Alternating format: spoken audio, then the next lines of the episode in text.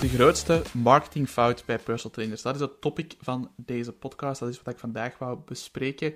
Omdat ik toch wel heel vaak dezelfde fouten zie terugkomen. En het is een topic dat me ook een beetje nou aan het hart ligt. In die zin dat het voor mij heel veel betekend heeft ehm, om deze fout op te lossen voor mijn business. Zowel voor mijn personal training business als nu voor deze business. Heeft deze fout mij heel erg geholpen. Dus het oplossen van die fout heeft mij heel erg geholpen om vooruit te geraken in die twee businessen. En uh, dat wil ik gewoon even toelichten vandaag. En waarom is dat nog belangrijk? Wel, ja, ik wil natuurlijk dat jij succesvol bent als personal trainer. Ik wil dat jij meer mensen kan helpen, zodat we samen een grotere impact kunnen maken. Heel cliché. En de marketingfout is gebaseerd op het feit dat de meeste personal trainers zich heel vaak focussen op heel fancy zaken, zoals hoe moet ik een goede Facebook-ad opzetten, hoe kan ik mijn website optimaliseren, hoe kan ik hoger ranken in Google, hoe kan ik meer volgers converteren naar betaalde klanten, en hoewel dat allemaal zaken zijn die inderdaad relevant zijn en belangrijk zijn, is er ene stap die nog veel belangrijker is, voordat je zelfs maar eraan denkt van een website te maken, voordat je er zelfs maar aan denkt voor een Facebook-ad op te zetten, en voordat je er zelfs maar aan denkt om je volgers te gaan converteren naar klanten. En dat is uw doelgroep kiezen. Super cliché, ik heb het al honderd keer gezegd, ik ga het nog honderdduizend keer zeggen, want er is nog altijd een groot probleem in het kiezen van die doelgroep. Heel veel mensen lopen daar vast, heel veel personal trainers hebben daar moeite mee, en ik begrijp het, dat is niet evident, maar je mag dat niet blijven uitstellen, want dat is eigenlijk de, de voornaamste steunpilaar van heel je business. Want daar gaat je content op baseren, daar gaat je website op baseren, daar gaat je marketingstrategie rond bouwen. Dus als jij niet weet wie dat je doelgroep is, als jij niet weet wie dat je gaat helpen, hoe kan je dan in hemelsnaam een sterk product gaan bouwen? Hoe kan je dan in hemelsnaam die mensen gaan aanspreken in je marketing en in je content? Dat gaat gewoon niet. Heel simpel. Dus als je daar nog niet bent, als je nog niet weet wie dat je wilt trainen, en als je een online personal trainer bent, want online is dat veel belangrijker dan offline Offline kan je zeggen, hey, ik ga hier reclame maken in een straal van 5 kilometer en ik wil alle mensen helpen die een sportief doel hebben. Prima. Maar online gaat dat verhaal niet pakken. Online is er veel meer concurrentie. Daar ga ik straks ook iets meer over vertellen. Dus het is heel belangrijk dat je die doelgroep afbakent. Dus voordat je iets anders doet in je business, pak een wit blad papier. Schrijf op wat zijn jouw interesses. Rond welke topics werk jij graag? Wat zijn jouw expertises? Welke problemen los jij graag op? Welke doelen help je graag bereiken? Met welk type mensen werk je graag? Mannen, vrouwen, welke leeftijd? noem maar op. Maak een lijstje en maak het voor jezelf heel duidelijk wie de ideale klant is. Goed? En dat zeg ik niet zomaar, want dat is gebaseerd op een heel oud en een, een, een heel sterk onderbouwd marketingprincipe, namelijk de Red en de Blue Ocean. En ik ga even kort toelichten wat dat juist inhoudt. Red Ocean wil eigenlijk zeggen dat we in een verzadigde markt zitten. En een verzadigde markt, dat is een markt waarin iedereen, iedereen hetzelfde doet, waarin dat er heel veel concurrentie is. Right? Dus moet je eigenlijk een rode vijver of een rode zee voorstellen. En ik ga even een stad nemen als voorbeeld. Stad Mechelen, waar ik zelf actief was als personal trainer. We waren met vijf of met zes personal trainers. En toen ik pas begonnen was, heb ik een concurrentieanalyse gedaan. Ik was gaan kijken, oké, wat doet iedereen? Wat mij opviel, is dat iedereen hetzelfde zei. Dus elke personal trainer zei op zijn website, ik help u om af te vallen. Ik help u om meer spiermassa te trainen. Ik help u om afgetraind te worden. Ik help u om uw energie te verbeteren. Ik help u om uw conditie te boosten. Dat stond bij iedereen. Iedereen deed alles. En bij iedereen was iedereen welkom. Of dat je nu een zwangere vrouw waard, een senior, een tiener, een kind van zes jaar. Maakt niet uit, iedereen was welkom. Ah, zolang je kon betalen, waart je welkom. Dus heel veel concurrentie. Heel moeilijk om je te onderscheiden, omdat iedereen hetzelfde deed. En als het punt dat ik wil maken, dat is niet het grootste probleem. Het grootste probleem ligt bij de klant. Voor de klant is het heel moeilijk om een juiste keuze te maken. Hoe kun je als klant een juiste keuze maken als iedereen hetzelfde zegt en als het lijkt dat iedereen hetzelfde doet? Dus vanuit de buitenwereld, ik als leek, als consument, ik moet gaan bepalen met welke personal trainer ik wil gaan samenwerken. Wat is het resultaat? Heel veel klanten gaan een keuze maken omwille van de verkeerde redenen, zoals wie heeft de mooiste website, wie heeft de laagste prijs, wie heeft de mooiste glimlach, bij wijze van spreken. Dat zijn niet de juiste parameters om een keuze op te baseren. Oké?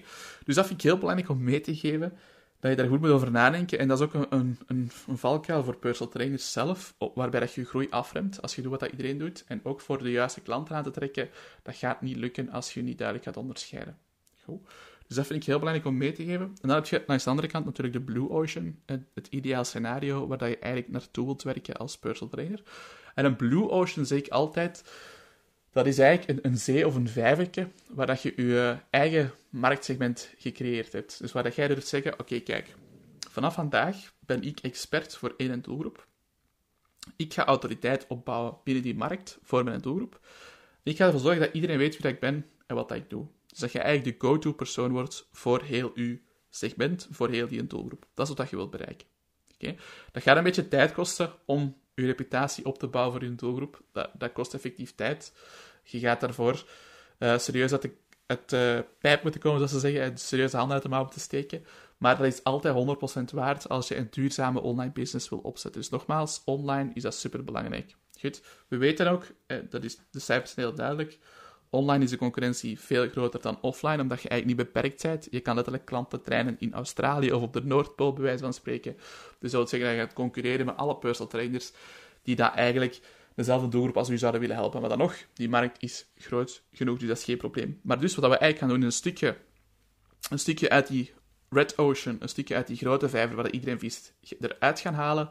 En we gaan zeggen, hey, kijk, ik ga mijn micro op dat klein segment.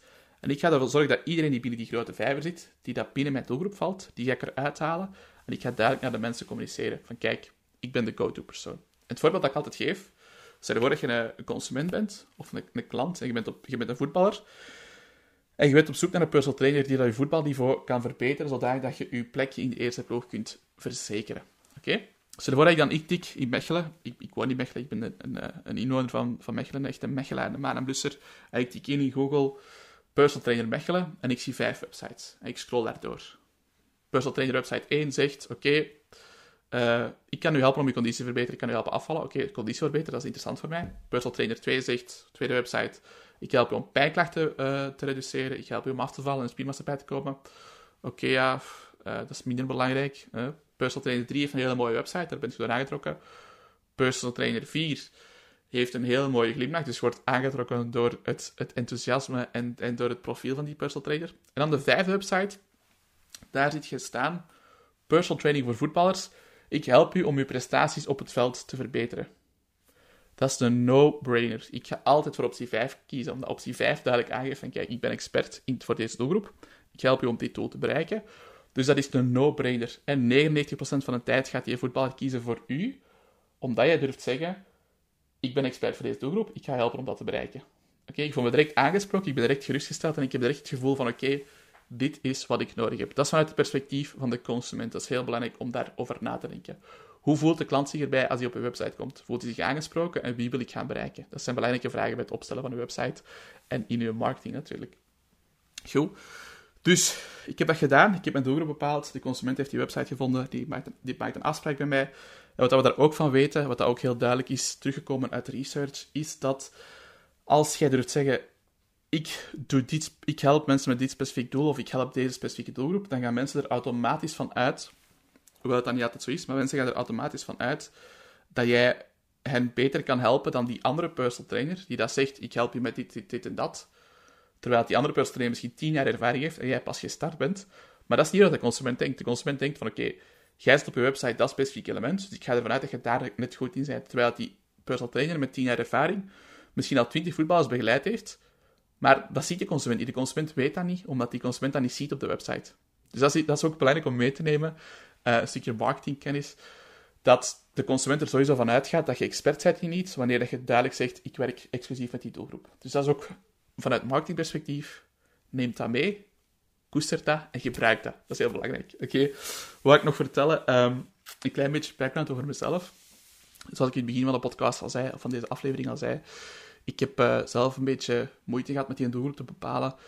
Toen ik zelf gestart was met als, als ondernemer, eerst als personal trainer tijdens mijn studies en nadien officieel um, tijdens mijn eerste job, halftijds dan, als ondernemer, toen was ik heel veel projecten tegelijkertijd aan het doen, want ik, ik wist niet goed met wie ik wou werken, dus ik pakte alles eraan. Ik was groepsles aan het geven in Brussel in samenwerking met uh, Fitbees. Fitbees is een B2B health organisatie die dat aan de hand van gamification, aan de hand van spelletjes, eigenlijk de gezondheid uh, binnen, het gezondheidsbeleid binnen bedrijven wilt, verbeteren. Um, dat was leuk, maar dat was toch niet wat ik echt wou doen. Dat was meer entertainment. Dat was zo in het park van Brussel, in het Warandenpark, vlakbij het parlement. Moest ik dan twee uur les gaan geven. Ik verdiende daar 100 euro per uur mee, wat dat was, of 120 zelfs, 120 euro per uur mee. Um, als startende personal trainer, wat dat waanzinnig was. 240 euro voor een dag. Dat was elke week in de zomer twee maanden lang. Dus uitgerekend 4 maal 240, dat is 480 euro per maand dat ik ermee verdiende voor een voormiddagje wel les te gaan geven. Maar ik vond dat oprecht niet leuk. Dat was meer entertainment. Ehm, het moest niet nuttig zijn, het moest niet functioneel zijn, het moest vooral leuk zijn. En eh, veel van die, van die uh, deelnemers waren dan eigenlijk tegen elkaar aan het concurreren. Dus ik had daar niet zo'n goed gevoel mee bij. Ik had het gevoel dat ik meer bezig was met in een entertainment sector dan eigenlijk in een gezondheidsbevorderende sector. Dus daar had ik wel moeite mee. Uh, dat vind ik ook wel leuk om te delen in deze podcast. Het is, het is niet het goed verdient dat het, dat het, uh, dat het leuk is of, of dat, dat je het kunt volhouden. Voor mij is die zingeving belangrijker dan, dan de centen, zeg maar. En bij iedereen is het uiteindelijk ook zo. Uh, vanaf een bepaald punt, als je een bepaald bedrag verdient, dan wordt zingeving altijd belangrijker dan het geld. Toch zeker om het vol te houden. En om het altijd opnieuw te doen. dus dan motivatie doen, heel belangrijk.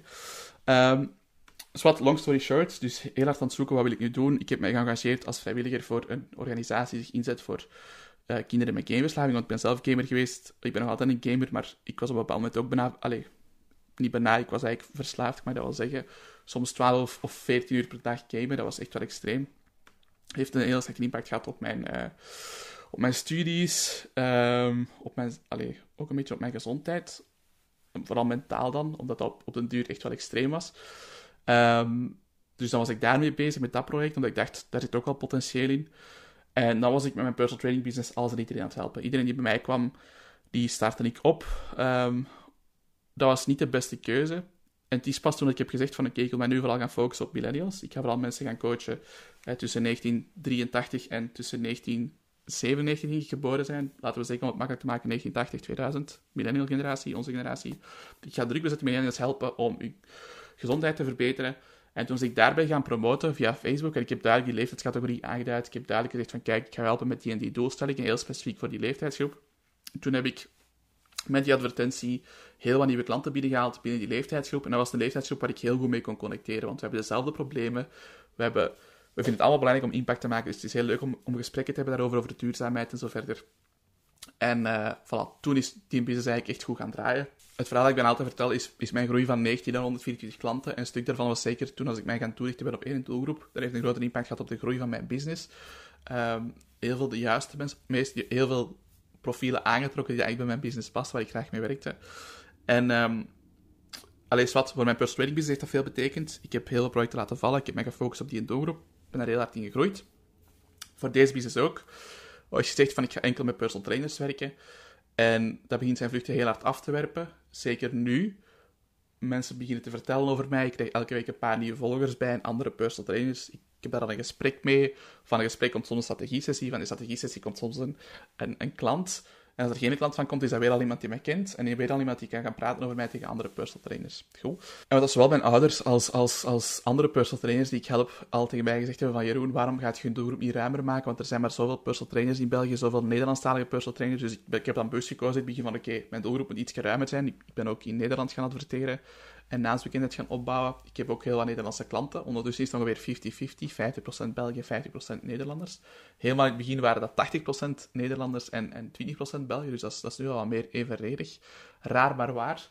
Um, en mijn broer, die, dat is ook een digital marketeer. dus die werkt ook in de marketing voor, voor een groot bedrijf dan. Dus dat is geen zelfstandige. Dat is een heel andere setting wel.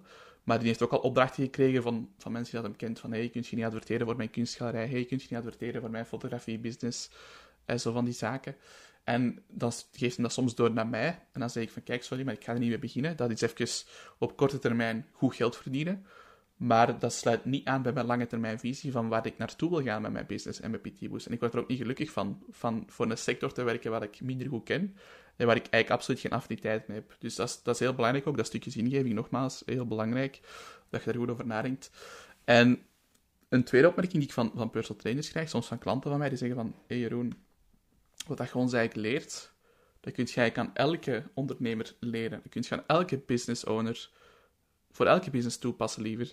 En veel stukken misschien 85% van wat ik vertel, kun je voor verschillende businessen gebruiken, absoluut.